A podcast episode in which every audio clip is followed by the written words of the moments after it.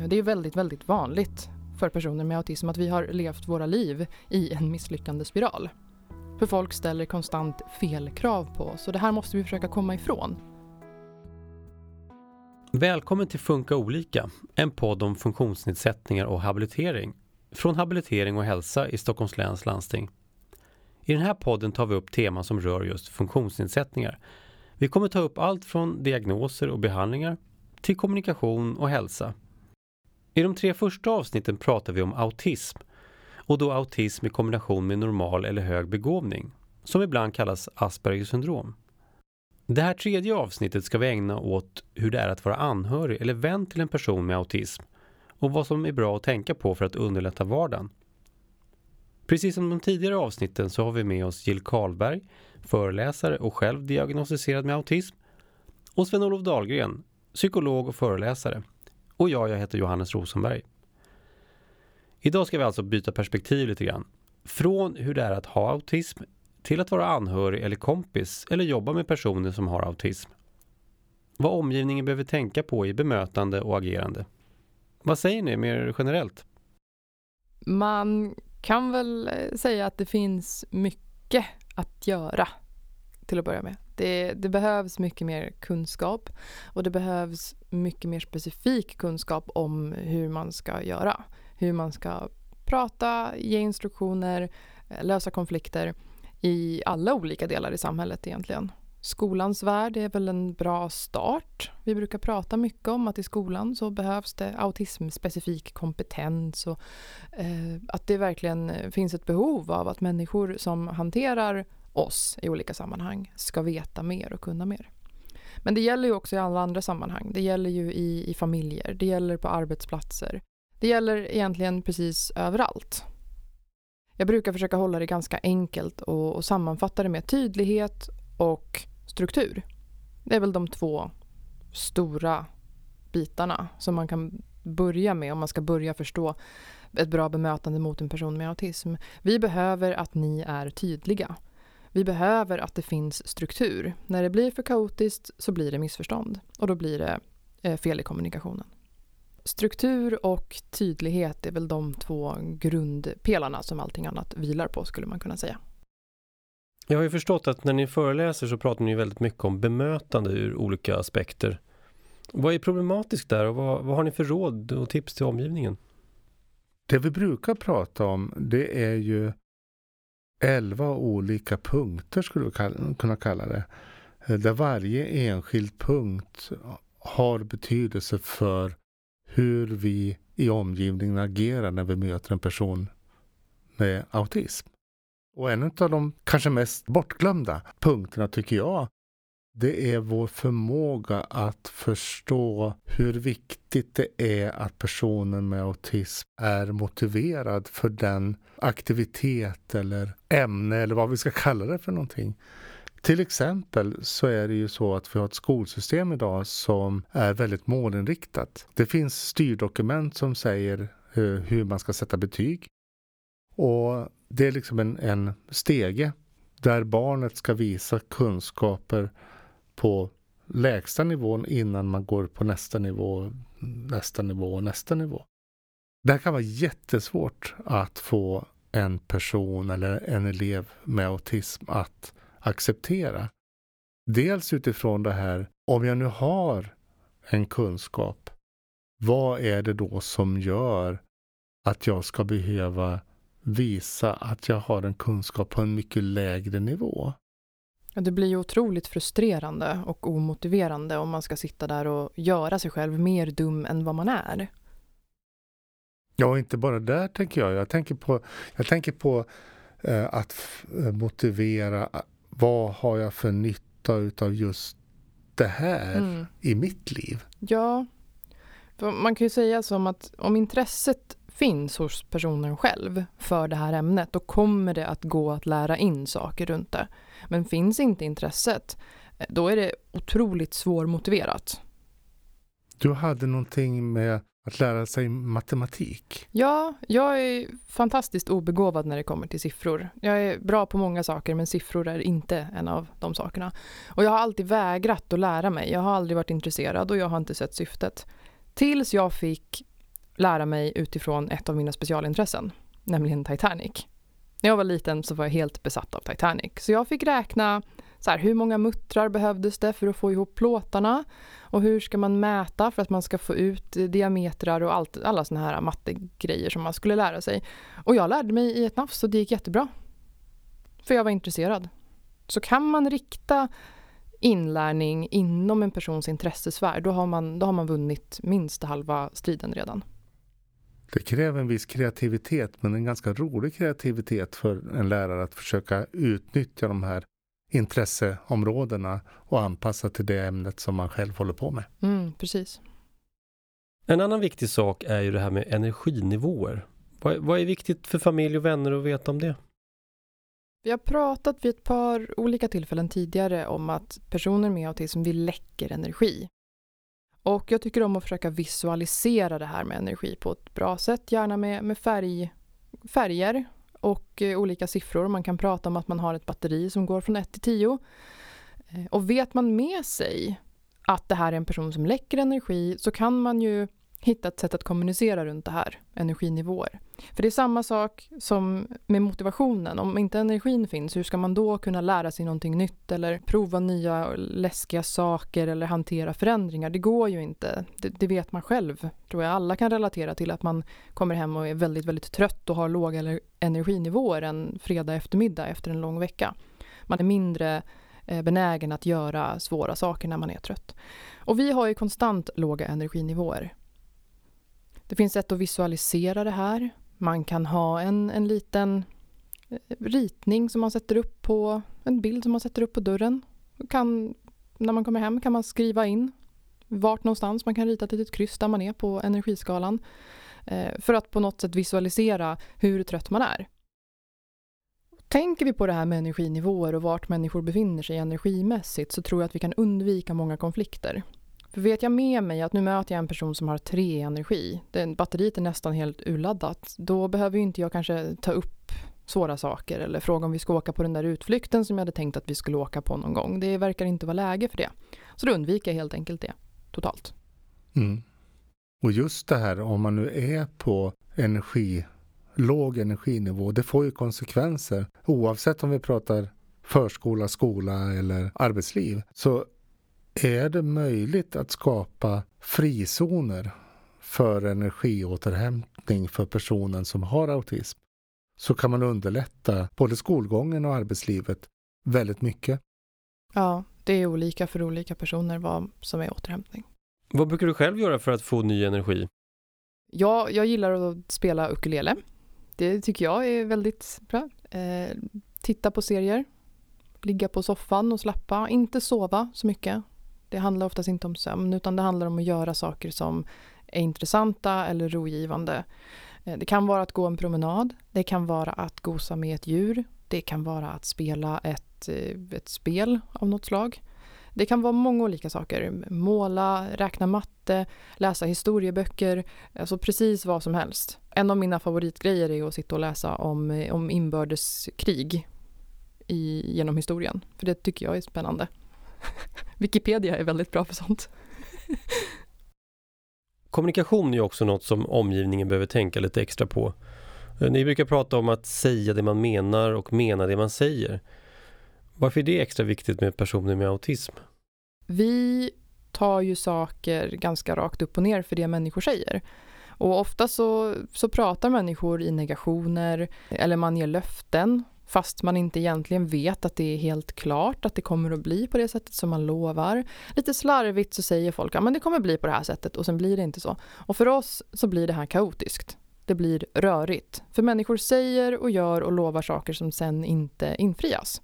Och det är ju faktiskt inte schysst. Så var rak och ärlig och tydlig. Men lova heller inte saker om du inte kan hålla det. Utan då är det bättre att säga att jag återkommer till dig på torsdag när jag vet helt säkert hur det här blir. Att man tar ansvar för att inte måla upp en bild av hur framtiden kommer att bli som sen riskerar att raseras, för det är katastrofalt. Och det är väldigt, väldigt onödigt. Och det kan röra sig om um, även inom en och samma timme. Att man till exempel inte använder begrepp som jag kommer nu och så tar det tio minuter innan du kommer. Utan säger du nu så är det nu. Undvik sådana här begrepp som strax eller snart. Därför att vi uppfattar strax och snart olika utifrån eh, vårt perspektiv. Krångla inte till ditt språk. Använd inte indirekta meddelanden utan säg klart och tydligt vad du menar. Säg hämta mobilen i köket istället för att säga att mobilen ligger i köket. Kan du ta telefon? Säg istället svara i telefon. Alla de här mer enkla, raka begreppen underlättar och underlättar även för oss i omgivningen. Ja, det känns ju som ett bra tips för alla, inte bara gentemot personer med autism. Ja, jag hävdar ju att eh, ni kan lära er av oss att använda ett språk och sätt att kommunicera som är mer raka och mer lätthanterliga för alla. För jag tror att det är många som blir förvirrade av alla de här konstiga uttrycken som vi har för oss. Det leder till många missförstånd. Inte bara mellan neurotypiska personer och autistiska personer, utan det leder till mycket missförstånd överhuvudtaget. Att vi är så luddiga och fluffiga i vårt språk. Och där kan ju vi komma och kanske påpeka då att det här var ju onödigt komplicerat. Kan vi inte bara säga det vi menar och mena det vi säger? Det verkar väl smart. Okej. Vad tycker du är nästa viktiga del att ta upp? Rutiner och struktur är ett annat område som vi har berört lite grann. Man brukar prata om det ganska mycket, så att det är viktigt med rutiner för personer med autism. Det brukar folk känna till. Man brukar inte prata så mycket om varför. Och jag tror att det, det kan vara viktigt att förstå syftet med de här rutinerna, för det är inte rutiner för rutinernas skull, utan det är ju rutiner som behövs därför att man ska minimera energiläckaget. Det är egentligen det det handlar om. Alla de här svårigheterna som vi har med exekutiva funktioner, att lösa problem och lista ut i vilken ordning saker ska göras. Det, det tar ju en massa kraft, det tar energi och det blir ganska ofta fel om man hela tiden ska tänka ut nya lösningar. Därför är det bra med rutiner. Det är också bra med rutiner därför att då behöver inte jag lägga kraft på att försöka lista ut vad någon annan människa kanske menar ska hända härnäst. Om en person säger “jag kommer strax”, då frågar jag ofta vad, “hur långt är ditt strax?” För det vet inte jag. Så vi, vi har inte sådana uttryck i min familj, de har blivit förbjudna. och så har vi ganska tydliga rutiner för hur saker och ting ska gå till, för annars så blir det jobbigt och kaotiskt. Struktur är bra av samma anledning. Man har en färdig struktur för hur saker går till. Man gör saker i en viss ordning, man äter vissa saker, man har vissa tidpunkter som man håller sig till och man gör det här likadant varje gång. Man pratar och kommunicerar om hur saker ska gå till för att det ska bli tydligt och konkret och greppbart för alla för att minimera energiläckaget. Det här kan ju också vara bra att tänka på när man är förälder och har ett barn med autism, att försöka skapa rutiner eller scheman eller strukturer i vardagen för att underlätta för barnet. Ibland så kan det kännas kanske konstigt att man rutar in vardagsaktiviteter som hur gör vi runt en måltid? Men om vi gör likadant runt måltiden så kommer vi underlätta för barnet med autism. Som gör att risken för konflikter, risken för utbrott minskas. Samtidigt som barnets möjligheter att utvecklas och bli mer självständig ökar. I min familj där vi är många personer som har eh, både autism och ADHD i vissa fall, så skulle vi aldrig drömma om att ha en sån här stor grillfest där en person ska laga mat till alla. Utan vi har grillfester och då får varje person ta med sig det de vill grilla. Och det är ingenting som någonsin diskuteras utan så är det alltid. Jag blir alltid lite rädd när jag ska gå hem till någon för att man vet aldrig hur de gör när de grillar. Folk har så konstiga strukturer runt det där med, med grillning och som en, som en måltidssituation.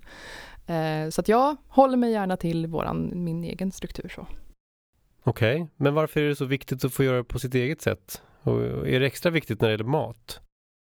Alltså just det här med matsituationer, det har vi också pratat om flera gånger som någonting som är svårt. Man vet aldrig vilka konstiga saker folk tycker att man kan äta tillsammans. Alltså det finns de som tycker att det är okej att äta fiskpinnar och pasta. Ja, okej. Okay. Bra för er. Jag skulle aldrig kunna göra det i hela mitt liv. Det finns säkert de som tycker att man kan grilla och inte ha någon sås till maten. Det skulle inte förekomma i min existens. Det finns fler sådana exempel på saker som är väldigt viktiga för mig, regler som är viktiga för mig, strukturer som jag behöver ha för att känna mig trygg i olika situationer. Ofta kopplat till mat. För mat är väldigt eh, ritualiserat. Det kanske man inte tänker på så mycket men det är väldigt mycket ritualer runt mat. Och vilka kryddor man har och vilka såser man har och så vidare och så vidare och så vidare. Och, och jag tror just det här när det gäller just det här med grill. Mm. Det är ju också en trygghet det här med att du vet vad du får genom att ha med det, det du själv ska äta. Mm. Och du vet själv hur du vill ha det grillat. Mm. Istället för att vara orolig för att det görs på ett sätt som du inte kan äta. Precis. Och då måste jag fråga, hur gick det i skolan när det gäller mat? Överlag kan man ju säga att skola och matsituation och barn med autism är ganska katastrofalt. Det är många, många som får kämpa med det här och man försöker i vissa fall att göra det lättare och göra det bättre. Men det, det är väldigt svårt. Vi har mycket idéer om hur vi vill ha vår mat. En del vill inte äta blandad mat. En del eh, kan bara äta vissa saker. Jag lärde mig tidigt att äta vissa rätter. Så jag hade tillräckligt många rätter som jag kunde äta för att det skulle fungera. Men hela den här miljön var så påfrestande för mig. Alla de här barnen, allt det här slamret, alla de här valen man ska göra när man ska välja vilken sallad man ska ha och vilket bröd man ska ha och sådär. Eh, så att det var utmanande. Det här med rutiner och struktur, det är förstås också viktigt i jobbsammanhang för personer med autism. Hur klarar arbetsgivare och arbetsplatser det här tycker ni? Och vad är viktigt för arbetsgivare att tänka på? Jag vet att det finns arbetsplatser som är väldigt strukturerade och tydliga. IKEA till exempel, som ser likadant ut överallt, alltid. Eh, Lidl, samma sak, ser likadant ut överallt, alltid. Där personer med autism passar in väldigt bra. Mm. Och det viktiga är inte nödvändigtvis hur det ser ut eller vart man är. Det viktiga kan vara så enkelt som att det finns bra rutiner och tydlig struktur. Var ska saker stå? Vem ska jag prata med om vad? Eh, Sådana saker behöver vara tydliga. När ska jag göra vad? Mm. Och med vem ska jag göra vad? Och hur länge och så. Nästa punkt som är viktig, det är eh, processtid. Vi har ofta en längre processtid än vad andra personer har. Och det här är viktigt i alla sammanhang också, men kanske framför allt i eh, sammanhang där det ska tas beslut om saker. Det kan ju vara i privata relationer. Där är det ofta så att man pratar mycket om, om, om, känslor och praktiska grejer och det kan behövas mycket beslut. Och det kan ta lite längre tid för oss så vi har en längre processtid.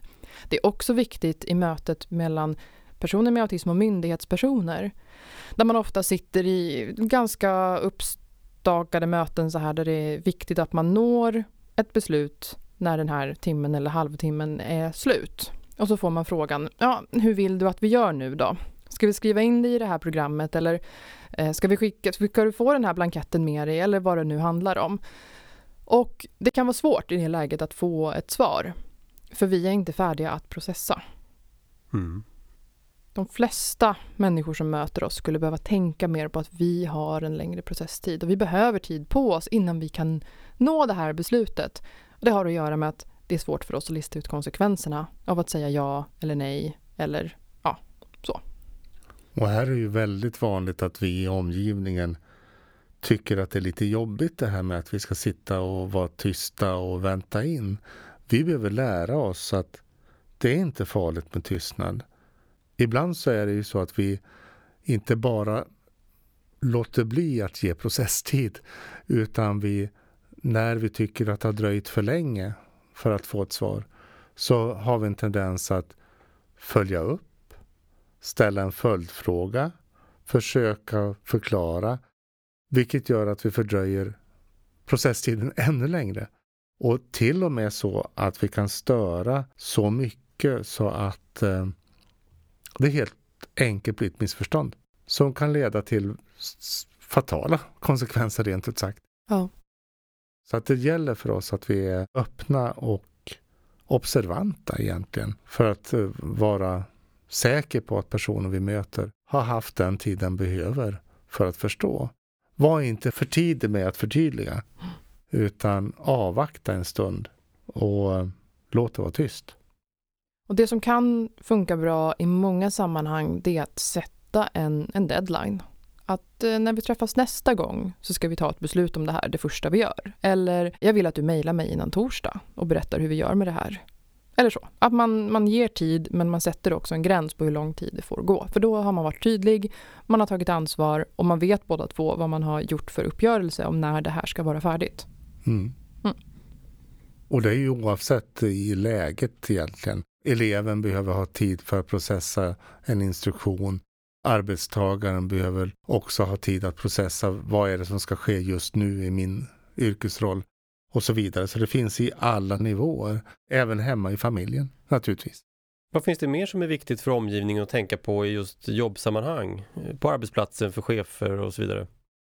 När det kommer till information och instruktioner så är det väldigt viktigt att man tänker på att tydliggöra. Tydliggöra, tydliggöra, tydliggöra. Alltid försöka vara så konkret och tydlig som det bara går när man ska ge ut någon form av information.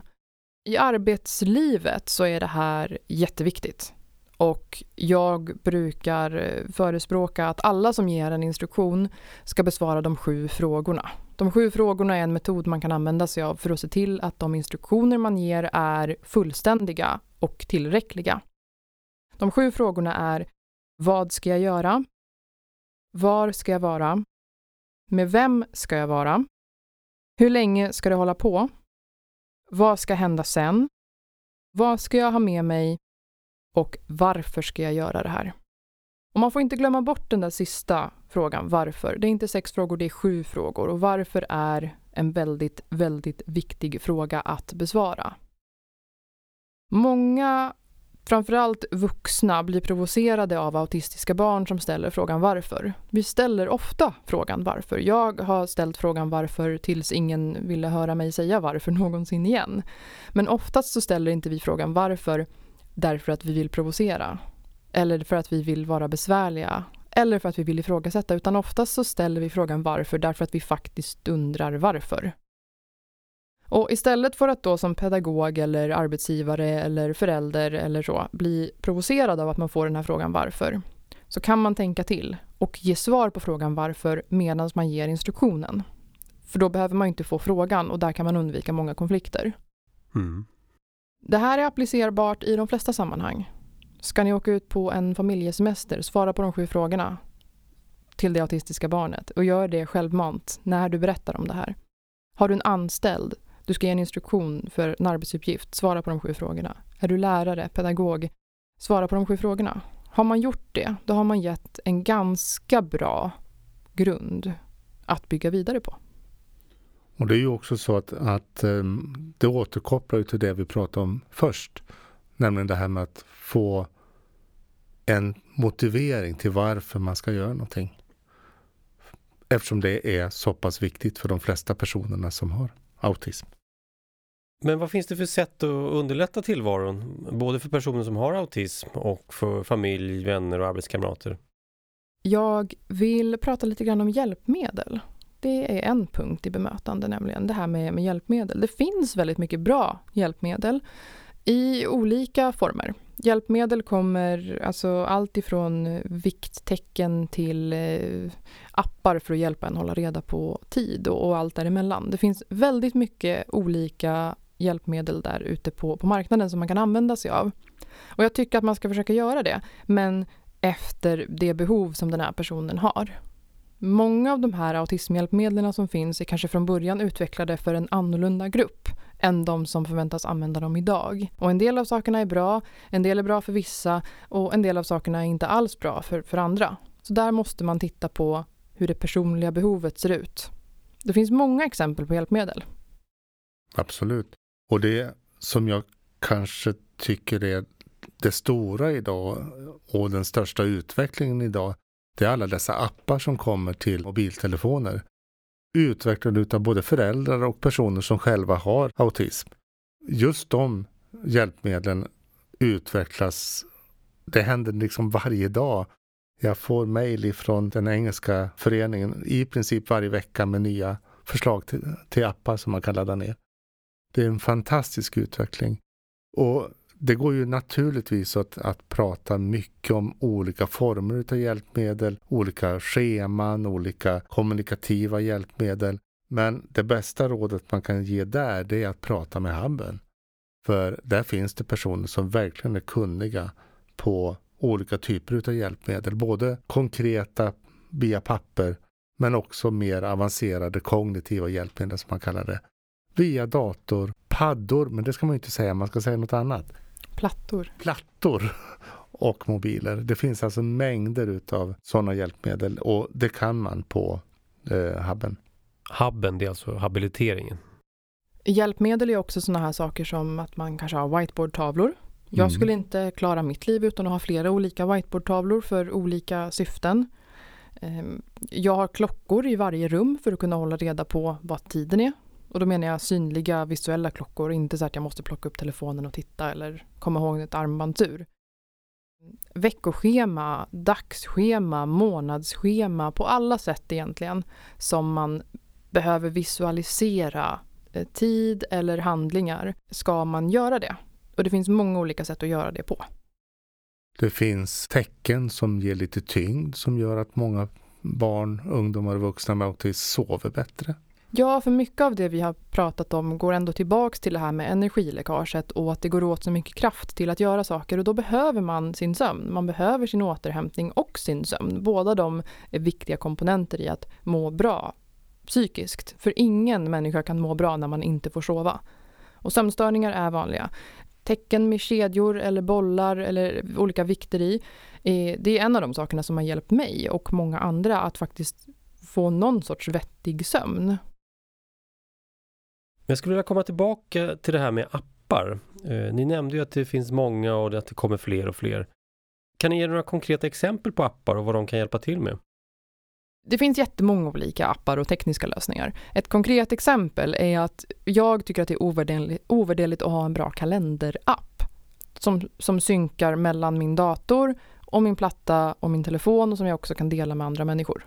Där jag kan färgkoda. Jag kan alltså göra samma sak på min platta som jag skulle kunna göra i en kalender som jag sitter och färglägger och kopplingen mellan det här konkreta och det abstrakta är väldigt viktigt för mig. Men det, det räcker ju inte bara med att ha sådana abstrakta lösningar hur bra visualiserade de än är, utan jag måste också ha en fysisk att göra-lista som jag har på en plats och det finns alltid en penna med i blocket och jag checkar av när jag är färdig. Jag kan mäta lite mitt mående på huruvida jag håller koll på min att göra-lista eller inte. För när det blir eh, kaos med att göra-listan, då brukar jag må ganska dåligt. Och så länge det är ordning på att göra-listan, då brukar jag må ganska bra. Mm. Finns det andra exempel på praktiska appar? Jag tycker att det är väldigt mycket så att hålla ordning på sitt liv. Att det ger olika former utav scheman som kan ge signaler som kan hjälpa en att, att uh, veta att det här ska jag göra nu. Det finns naturligtvis olika typer utav hur jag ska hitta via GPS. Alltså det finns mängder utav sådana här som hjälpmedel som är direkt kopplade till specifika problem. Det finns Hur? en bra resapp som heter Resledaren till exempel. Eh, som visar väldigt, väldigt tydligt varifrån du ska gå och när du ska gå och den täcker hela landet. Så du kan ha en app, även om du åker mellan olika landsting och olika kommuner, så kan du använda en app, Resledaren. Eh, och den är väldigt, väldigt omtyckt av många. Om ni vill veta mer om olika former av hjälpmedel så kontakta er närmaste habilitering för de har enorm kunskap om just det här. Var inte rädd för att prova nya lösningar. Vi brukar vara ganska bra på att identifiera dumma sätt att göra saker på. Eh, vi ifrågasätter mycket. Vi säger ifrån när vi inte vill göra saker. Vi säger till när vi tycker att saker verkar vara lösta på sätt som inte är bra. Vi är helt enkelt bra på att identifiera dåliga eh, lösningar på saker. Och jag tycker att de som finns runt oss borde kunna bli bättre på att lyssna på det här och ta till sig av det här. Kanske passa på att lära sig att våga prova nya saker. Om en anställd, en elev, en anhörig kommer med ett förslag på en lösning på ett problem, så varför inte prova? Så länge det inte är farligt. Om personen själv har en idé som skulle kunna funka, försök att, använda den lösningen. Så länge det är tydligt och konkret vad det är som ska hända och varför och alla de här sakerna så, så är det inte farligt att prova nya saker. Och dessutom kan man säga det att, att eh, många gånger så säger vi att Eh, var inte rädd för att prova nya saker. Men var inte rädd heller för att misslyckas. För det är ju, vågar vi inte misslyckas så vågar vi inte heller prova nya saker. med nya lösningar så är det också tänk utanför boxen. Att inte alltid göra det som står i böckerna utan göra det som är praktiskt här och nu. Ja, och det är ju faktiskt en av de här autistiska superkrafterna. Att eh, vi är väldigt bra på att tänka utanför boxen. Eh, lösa ett problem med ett annat problem och så blir det bara en lösning. Det är sånt där som vi är väldigt, väldigt duktiga på. Det ska man lära sig av, tycker jag. Okej, okay. vad har ni mer för tips? Kanske till föräldrar som har barn med autism? Att välja sina strider. Det är också en sån här sak som är otroligt viktig. Framför allt så brukar många föräldrar känna igen sig i det här att jag önskar att jag hade sagt ja från början för det var inte värt att slåss om. Ibland så går man in i saker och tänker att det här är viktigt. Men hade man tänkt till lite grann så hade man insett att det här är inte viktigt. Och det kommer finnas nog med saker att strida om som faktiskt är viktiga även om man släpper allt det här som är mindre viktigt. Så strunta i så mycket strider som det bara går. Säg hellre ja från början då.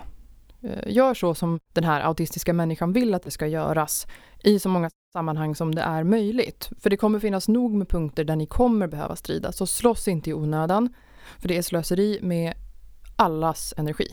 Det är definitivt slöseri med den autistiska människans energi att hålla på och bråka om saker som faktiskt inte behöver bråkas om.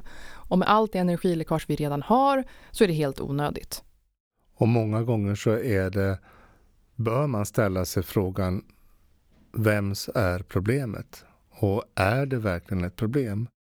Någonting som jag ofta får höra det är problem just kring måltider. Där finns det väldigt mycket där man försöker göra måltiden till någon form utav eh, ritual. Att den ska vara som för alla andra barn. Att det måste se ut på ett visst sätt. I bostäder så kanske boendestödjaren eller på gruppbostaden så kanske assistenten bestämmer um, att eh, Olle bara får dricka två glas mjölk under måltiden utan att det finns något annat skäl än att man själv brukar ha två glas mjölk. Det kanske är så att man ibland kan tillåta att man får ha ketchup på den kokta torsken för att torsken ska överhuvudtaget smaka någonting eftersom man kanske inte har smakupplevelser om man inte förstärker dem med sött eller gäller Eh, ketchup eller kan det vara tabasco man behöver ha för att eh, känna smaker. Det gäller alltså att fundera, är, vad är syftet med den här situationen? Jo, syftet är att eh, Olle ska få mat och inte att Olle måste äta precis på det sättet som vi. Eller den typen utav kryddning eller smaksättning eller på samma sätt som vi gör. Det gäller alltså att, att fundera varför ska vi reagera? Precis som eh, Jill sa, det här med att välja era strider. Ett begrepp som ni också pratar om är känslosmitta. Vad betyder det? Känslosmitta är ett ämne som jag tycker att de flesta egentligen skulle behöva lära sig mer om. Men har man på något sätt att göra med personer med autism så är det jätteviktigt att känna till konceptet känslosmitta. Känslosmitta går helt enkelt ut på att känslor smittar. Det är ganska självförklarande. Det finns vetenskapliga förklaringar till varför det är så här och att, att människor liksom infekterar varandra med de saker vi utstrålar och känner. Både på ett medvetet och ett omedvetet plan. Och när det kommer till personer med autism så är vi ganska dåliga på att sortera ut vad som är din känsla och vad som är min känsla. Vi kan vara ganska duktiga på att känna av stämningen i ett rum. Autistiska kvinnor brukar ofta säga jag känner att stämningen här inne känns lite obehaglig. Är det någon som är arg? Ehm, det är ganska vanligt för man känner av liksom stämningen men det är svårt att sätta fingret på vart det hör. Och det här gäller ju alla situationer. Det gäller kanske framför allt i upprörda situationer, konfliktsituationer, stressade situationer. Jag har en, en kompis som har autism och som har boendestöd och han vill hellre att boendestödjarna låter bli att kliva in hos honom om de kommer dit och är stressade. För kommer de in och kommer in i hans hem och är stressade, då blir han också stressad och han har inget skydd mot det här. Så han har instruerat dem att de får gärna ta fem minuter extra utanför och eh, meditera lite eller djupandas eller gör någonting så att, så att de lugnar ner sig. Och det gör ingenting att de är lite sena då, utan då får de hellre vara sena, bara de inte kommer in och är stressade. När jag var liten och fick mina utbrott så hände det att människor reagerade med att bli väldigt upptrissade själva och ganska arga och kände sig provocerade av att jag blev arg. Och det visade ju mig att det här är någonting att vara arg om. Uppenbarligen så blir du också arg av det här. Så, så blir jag mer arg och så blir du mer arg för att jag var mer arg och så blir det en, en uppeggning av den här situationen som bara blir värre och värre och värre och värre. Medan när människor mötte mig med lugn, trygghet, Eh, att de kände sig säkra i sin kropp och utstrålade att de var ihopsamlade och det var okej. Okay. Då kunde jag istället lugna ner mig och jag kunde smittas av deras lugn. Känslosmitta fyller ju en funktion. Det gör ju någonting i grupper så här, att med att vi ska känna oss lite likadant så att vi kan samspela på ett bra sätt. Men känslosmitta kan också bli destruktivt så det är viktigt att jobba med känslosmitta och försöka använda det som en, en konstruktiv kraft. Och alltid vara medveten om att det påverkar oss människor hela tiden. Men man ska ju inte förväxla den här förmågan att känna av andra människors känslor att det skulle vara nedsatt bara för att man skulle ha bristande förmåga att byta perspektiv. Utan det har ingenting med saken att göra. Utan snarare är det så att man är väldigt känslig för andras känslor. Det är snarare så man kan uttrycka det. Ja, det är en bra sammanfattning. Om ni nu skulle välja ut en sista punkt som man som anhörig bör tänka på, vad vill ni lyfta fram då? Det sista är väl att eh, jag tycker att vi behöver reflektera över det här med förväntningar och krav. Det är bra att ta en liten inventering då och då. Vad har jag för förväntningar? Oavsett vem man är, eh, kanske framför allt när man är någon som en autistisk person står i beroendeställning till, som en, en lärare eller en förälder. Så. Vad är det jag förväntar mig? Förväntar vi oss alla samma sak av den här personen, vi som jobbar med den här människan? Jobbar vi åt samma håll? Har vi samma tankar om vad målet är? Och drar vi åt samma riktning eller drar vi åt olika håll? När det kommer till krav så är det jätteviktigt att ställa krav, men det är viktigt att ställa anpassade krav. Alla människor mår bra av att känna att de är en del av, att det finns en viss förväntan på att de ska göra vissa saker. Men med personer med autism är det mycket viktigt att man har den här fingertoppskänslan.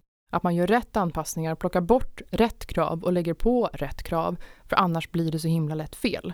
Har vi fel förväntningar, ställer vi fel krav, då hamnar vi i en misslyckande spiral. Och det är ju som bekant inte bra för någon. Eh, det är väldigt, väldigt vanligt för personer med autism att vi har levt våra liv i en misslyckande spiral. För folk ställer konstant fel krav på oss och det här måste vi försöka komma ifrån. Föräldrar och lärare, där måste det väl börja nästan. Med att vi måste försöka lära oss att ställa rätt krav. Anpassade krav som går att leva upp till. Realistiska mål helt enkelt. Och det som är viktigt att tänka på, naturligtvis så gäller det här att inte ställa för stora krav eller för höga krav.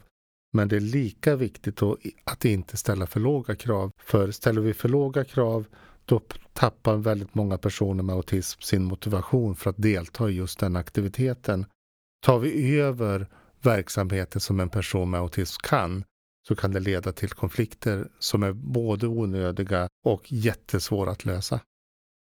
Det är också viktigt att tänka på den här ojämnheten då. Att ena dagen så funkar det jättebra att leva upp till det här höga kravet och nästa dag så funkar det inte alls. Och det går sannolikt att förklara med något av de här begreppen som vi har gått igenom. Förmågan är ojämn och det gäller att lära sig hur man låser upp den bäst och oftast. Ja, då ställer jag frågan rakt upp och ner. När bör man som förälder överväga en utredning om autism för sitt barn? Det varierar naturligtvis beroende på ålder på barnet. När barnet är riktigt liten så kanske det inte är så vansinnigt viktigt att det blir en utredning som utmynnar i ett direkt diagnostiskt namn. Utan kanske snarare att man plockar fram de svårigheter som barnet verkar ha. Ett tecken är ju till exempel om talet är ordentligt försenat. Det finns studier som visar att, att eh, barn som haft ett väldigt sent sen utveckling av det talade språket har i tonåren någon form av neuropsykiatrisk diagnos. Det, men det kan röra sig inte bara om autism. Det kan också vara ADHD till exempel. Det kan leda till specifika språkstörningar som också är en diagnos. Så det finns alltså olika grunder. Men tänker vi autism i sig så finns det några sådana här, vad ska man säga, viktiga varningstecken. Ett av de viktigaste varningstecknen som man också pratar om i USA det är att barnet verkar inte lystra till på sitt eget namn. Barn som har en typisk utveckling reagerar väldigt tidigt på sitt namn. Men många barn med autism gör det inte. Det är ett av de här kardinalsymptomen som man brukar prata om. Ett annat det är att man kanske inte reagerar om eh, mamma går ut ifrån rummet. Många, framförallt flickor, som är extremt blyga bör man vara uppmärksamma på. Det kan förklaras utav autism. Det kan vara att man är blyg också. Man behöver alltså vara försiktig, men är det så att barnet är väldigt sen i sin allmänna utveckling, då tycker jag att man ska göra en utredning för att ta reda på vad behöver barnet ha för hjälp. Kanske inte så mycket för att sätta ett diagnostiskt namn på den här svårigheten som barnet har. Det kommer senare. Men det är klart att så fort man som förälder börjar se att mitt barn är långsammare, har en långsammare utveckling än jämnåriga barn eller jämfört med syskonen så har det här barnet en, någon annan form av utveckling. Då tycker jag att man kan göra en utredning. En utredning skadar inte. Den är, inte, den är till för att hjälpa. Det är jätteviktigt att gör man en utredning så är det inte för att sätta en stämpel i pannan på den barnet utan till att försöka ta reda på barnets svagheter men också styrkor för att man ska kunna anpassa någon form av insats. Så det är alltså bättre att göra en utredning en gång för mycket än en gång för lite? Ja, precis som Sven-Olof säger, en utredning skadar ju inte. Det är ju bara en utredning för att ta reda på vilka styrkor och svagheter en person har egentligen. Och så vissa grupper av styrkor och svagheter kallar vi för olika saker. De har fått olika diagnostiska namn. Och för att man ska kunna få en diagnos så krävs det att man har svårigheter i livet. Man måste ju på något sätt lida av de här dragen som man har, för annars fyller man inte kriterierna för en, en diagnos. Nu har vi pratat om utredningar kring barn, men hur är det för vuxna? När det gäller vuxen ålder så tänker jag att det handlar mer om eh, om man känner igen sig eller sin anhöriga i de här beskrivningarna som, som ges. Eh, om man känner igen sig i det här utanförskapet och det logiska tänkandet och behovet av att kategorisera och alla de här olika sakerna som vi har pratat om, då kan det ju återigen inte skada med en utredning. Mm. Där är det då ett motivationsarbete som krävs som anhörig. För så fort man är myndig så är det ju den egna personen som bör eh, ta in initiativ till en egen utredning. Och det kan vara svårt att motivera. Många gånger så kan det hjälpa genom att man påpekar vilka svårigheter som man som anhörig ser hos sitt barn eller sin morbror eller vad det är för någonting. Va?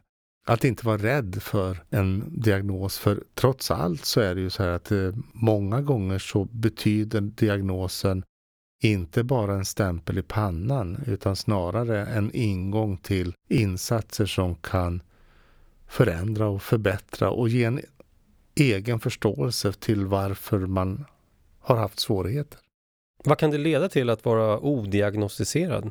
Många upplever ju att det är ett stort psykiskt lidande av att gå omkring och känna sig som att man är den här, den här, det här ufot. Man är den här annorlunda personen som inte passar in någonstans. Man försöker ju på något mänskligt sätt sådär, mäta sig mot andra för att se, jaha, men hur mycket tid lägger andra på sådana här saker och hur mycket kraft verkar det här ta och hur, hur gör de och sådär. Och så får man liksom inte ihop det, ekvationen stämmer inte. För trots att man gör ungefär samma saker så når man inte samma resultat. Och det är ju frustrerande. Och det leder till en massa olika saker. Det leder till dålig självkänsla. Det leder till att man försöker hitta lösningar på problem som inte alltid är så bra. Eh, en person som går odiagnostiserad utvecklar ofta en massa metoder som inte alltid är sunda. Det, det, är en ganska vanlig följd av att man inte lyckas förstå sig själv. Man lyckas inte lista ut varför man gör på vissa sätt. Mm. Och jag antar att det här i sin tur har konsekvenser. Stämmer det och vad kan det vara för konsekvenser? Vanliga konsekvenser är olika typer av, som vi säger, tilläggsdiagnoser eller att man får sådana här psykiska pålagringar. Ätstörningar, missbruk, utsvävande beteende sexuellt. Eh, det finns många olika... Självskadebeteende. Ja, utanförskap överhuvudtaget, att man står utanför arbetsmarknaden eller att man är väldigt ensam. Det är ofta förknippat med ett stort lidande att inte kunna förstå sig själv. Och det finns ju då, när det gäller barn, så finns det studier som visar att med en tidig diagnos och, tidiga insatser så minskar risken just för psykisk ohälsa, för utåtagerande beteende, problemskapande beteende, självskadebeteende. Så det finns alltså ganska mycket som talar för att diagnos är bra. Jag har varit med om, om eh, diagnos ganska sent i livet. Bland annat en man som gick i ständig terapi, stödterapi, samtalsterapi och eh, utan egentligen några resultat. Han kände sig mobbad och, och missförstådd på arbetsplatsen. Han eh, hade väldigt svårt att klara av sitt arbete. Jag råkade träffa honom i samband med att jag utredde hans son. Och när jag lämnade resultatet och beskrev resultatet till mamman och pappan då så sa pappan att jag måste tyvärr gå för jag ska ha det här samtalsterapin då. Och han hann knappt stänga dörren innan mamman sa Är det viktigt att utreda en vuxen också? Ja, det kan det vara. Så vi utredde den här mannen. Trots att vi jobbade på BUP på den tiden. Han hade absolut autism. Han bad oss att komma och informera hans arbetskamrater. Och så vitt jag vet så vi, arbetar han fortfarande på samma arbetsplats. Bara med hjälp av en diagnos. Han började förstå. Hans omgivning började förstå. Och i det läget så gav det stor effekt. Och det finns många sådana här vuxenberättelser där det faktiskt har hjälpt bara att få diagnosen i sig. För man har fått just den här förståelsen. Nu förstår jag varför jag har kämpat hela mitt liv. Och få den förståelsen ger väldigt mycket trygghet. Jag har tappat räkningen på hur många människor jag har träffat som, eh, som hör mig prata om det här och så känner de igen antingen sig själva eller en anhörig. Det händer ofta på föreläsningar att det kommer fram någon ur en familj som, där man har ett barn kanske som har fått en diagnos och därför har man gått för att lyssna på den här föreläsningen. Men så säger den här personen, det här beskriver ju min partner. Jag, jag hör ju min partner i det här också, vi måste utreda mamman eller pappan för det här, inte bara barnet. Och det är ofta så. Man, eh, man triggar igång en kedja, för det, det är genetiskt, det förekommer ofta flera i samma familj som har diagnoser. Mm -hmm. Vi har varit inne på att det finns positiva aspekter av att få en diagnos. Eh, är det något ni vill tillägga där? Får jag bara säga så här, att berätta om autismens superpower. Ja, alltså jag tycker att autism är en superkraft. Och, och jag tycker att det fyller så otroligt många funktioner att få en diagnos där det står svart på vitt på papper, du är autistisk. Det är så många som vittnar om att efter att de har fått diagnosen så kan de börja mäta sig mot någon sorts måttstock som liksom är anpassad efter dem. Och inte längre det här ouppnåeliga andra eh, idealet som inte existerar för den här människan egentligen. Man kan få igenkänning med andra. Man kan börja förstå sig själv. Man kan börja låsa upp alla de här förmågorna som man tidigare kanske har skämts för eller har dolt eller som man inte har kunnat få tillgång till därför att man har varit så upptagen med att försöka vara någonting som man inte är.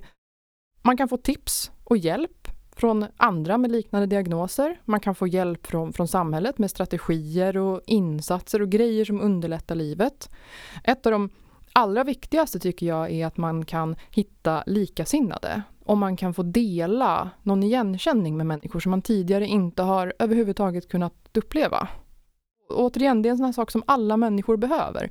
Vi måste få känna igenkänning med andra människor. Och det får en massa positiva följder. Man kan stötta andra, man kan få tips och hjälp, alla de här grejerna. Självkänslan kan börja återvända. Jag vet inte hur många människor som har fått diagnos sent i livet som jag har pratat med som berättar om det här att jag för första gången i mitt liv så har jag en, en positiv bild av mig själv. Jag känner att jag har förmågor som jag kan använda mig av. Och det är ju fantastiskt. För det finns ju så mycket i autismen som är bra. Det finns det här hyperfokuset. Det finns den här bra ledarskapsförmågorna, den här strukturen och, och strategier och, och, lösningsfokus och en massa jättebra grejer.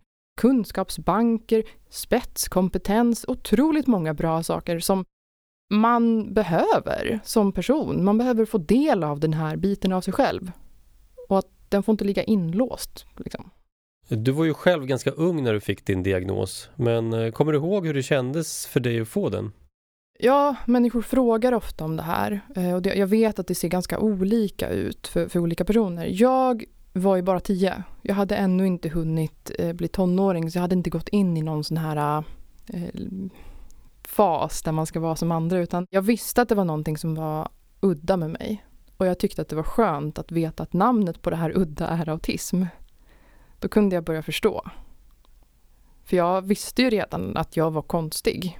Och det var skönare att veta att det var jag, det är för att jag har autism. Och det var inte speciellt dramatiskt. Det var lite som att ja, jag är en ganska lång person och jag är en blond person, jag är en person med gröna ögon och jag är en person med autism. Det, var väldigt odramatiskt för, för mig. Jag kan ju tänka mig att man som anhörig ändå är nyfiken på vad det finns för träning eller insatser för att hjälpa ett barn med autism. Att kanske utveckla en del förmågor där barnet har svårigheter. Har du några tips där? Jag är inte så förtjust i att använda begreppet träning. Jag pratar hellre om vad, vad finns det för insatser och det vi är alla helt övertygade om det är att syftet med alla insatser är att kunna ge verktyg till barn, ungdomar och vuxna att klara det dagliga livet, dagliga vardagslivet. Oavsett egentligen vad det har för titel. För det finns ett antal olika titlar på insatser. Det finns någonting som heter Teach, som kommer från USA, som bygger på pedagogik, inlärning. Vi har någonting som kallas tydliggörande pedagogik som bygger på inlärning.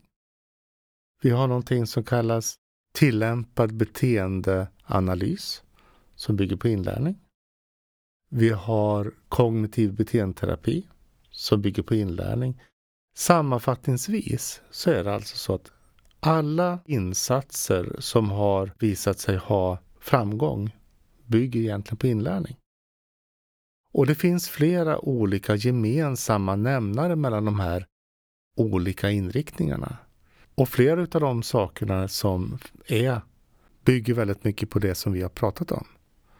Det bygger på individualisering, det vill säga att var och en utav de här personerna, oavsett om det är barn, ungdomar eller vuxna, måste få en individuell plan. En individuell bemötande, individuell hjälpmedel. Det måste vara analyserande. Och vad betyder det då? Jo, det måste innebära att man måste ta reda på individens behov. Och då menar jag också att ta reda på individens behov på ett objektivt sätt. Det vill säga inte tyckande för, utifrån vad jag tycker att Olle ska klara av utan snarare utifrån ett inifrån perspektiv. Ja, eh, jag kan bara hålla med om det här och jag eh, är ju en person som fick en tidig diagnos och därför så har jag haft stöd hela livet. Och under min uppväxt så bodde jag deltid på ett korttidsboende där man jobbade utifrån en av de här metoderna. Nu är det här ganska länge sedan då. Eh, men det fungerade väldigt bra för mig. Och det var hela tiden väldigt anpassat efter vad jag ville. Och det är lite den springande punkten, att man måste liksom ha med sig den här individen på vad är det som ska hända? Vad är det för mål som vi sätter upp? Vill du uppnå det här själv? Eh, för att konkretisera lite grann. Jag klarade inte av att ringa i telefon. Jag kunde inte prata i telefon överhuvudtaget. Jag hade sån här total fobi. Så vi gjorde en deal där jag fick ringa och boka biobiljetter. Och det här var innan man kunde prata med en sån dator och göra det. Man fick prata med en människa. Så så om jag ville gå på bio fick jag göra det precis när jag ville. Men då fick jag ringa själv och prata med en människa, en okänd människa och boka de här biobiljetterna. Det var en jättebra muta. Det var en bra motivation. Och jag lärde mig att eh, ibland är det värt att ringa telefonsamtal. Det, det var en sån insats som man gjorde. Och enligt den här typen av pedagogik jobbade man tillsammans med mig under kontrollerade former under eh, hela min uppväxt mina föräldrar har tillämpat samma tankesätt. Och där har du också den tredje punkten som är gemensamt för alla de här inriktningarna. Det här med att uppsätta konkreta mål. Och att de här målen ska vara anpassade till den personen man möter. konkreta mål som också måste utvärderas. Man måste alltid ta reda på, är vi på väg att nå det här målet? Eller är det så att vi är på väg att försvåra för individen vi möter? För det är också så att är det så att vi uppsätter mål så måste vi ju se att det är rimliga mål. De ska vara rimligt nåbara. Så att det inte är så att eh, Jill ska lära sig att ringa till kungen det första hon ska lära sig. Utan det ska vara rimligt liksom och det här var väldigt rimligt för det är ja. någonting som du tyckte skulle vara kul också att ja. gå på bio. Precis. Och till sist, men inte minst, det är att kunna svara på just den frågan som du säger, varför? Det var ju sista på de här sju punkterna som du har nämnt. Mm. Men det gäller i alla nivåer. Varför har vi en regel? Är den viktig? Varför har vi den här målsättningen?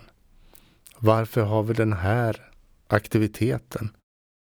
Det får aldrig bli slentrian i det man bestämmer. Ha inte en aktivitet för aktivitetens egen skull. Utan ha den därför att det har ett inslag i just den här pedagogiken för just den här personen. Mm, ja, då har vi kommit fram till slutet av de här tre avsnitten om autism. Och vi har hunnit gå igenom ganska mycket kring vad man ska tänka på om man är anhörig, vän eller arbetskamrat till en person med autism. Och när det kan vara aktuellt att utreda en person för autism. Det här var del tre av podden Funka olika. Stort tack till er, Jill och Sven-Olof, för att ni har delat med er av all er kunskap. Och tack till dig som har lyssnat. Lyssna gärna på de andra två avsnitten om du inte redan har gjort det. Vad tyckte du om programmet? Har du förslag på vad vi ska ta upp i kommande avsnitt av podden? Gå gärna in på vår Facebook-sida Funka olika och tyck till. Podden Funka olika är producerad av Koppifabriken. Jag heter Johannes Rosenberg. Tack för att du lyssnade. Vi hörs igen.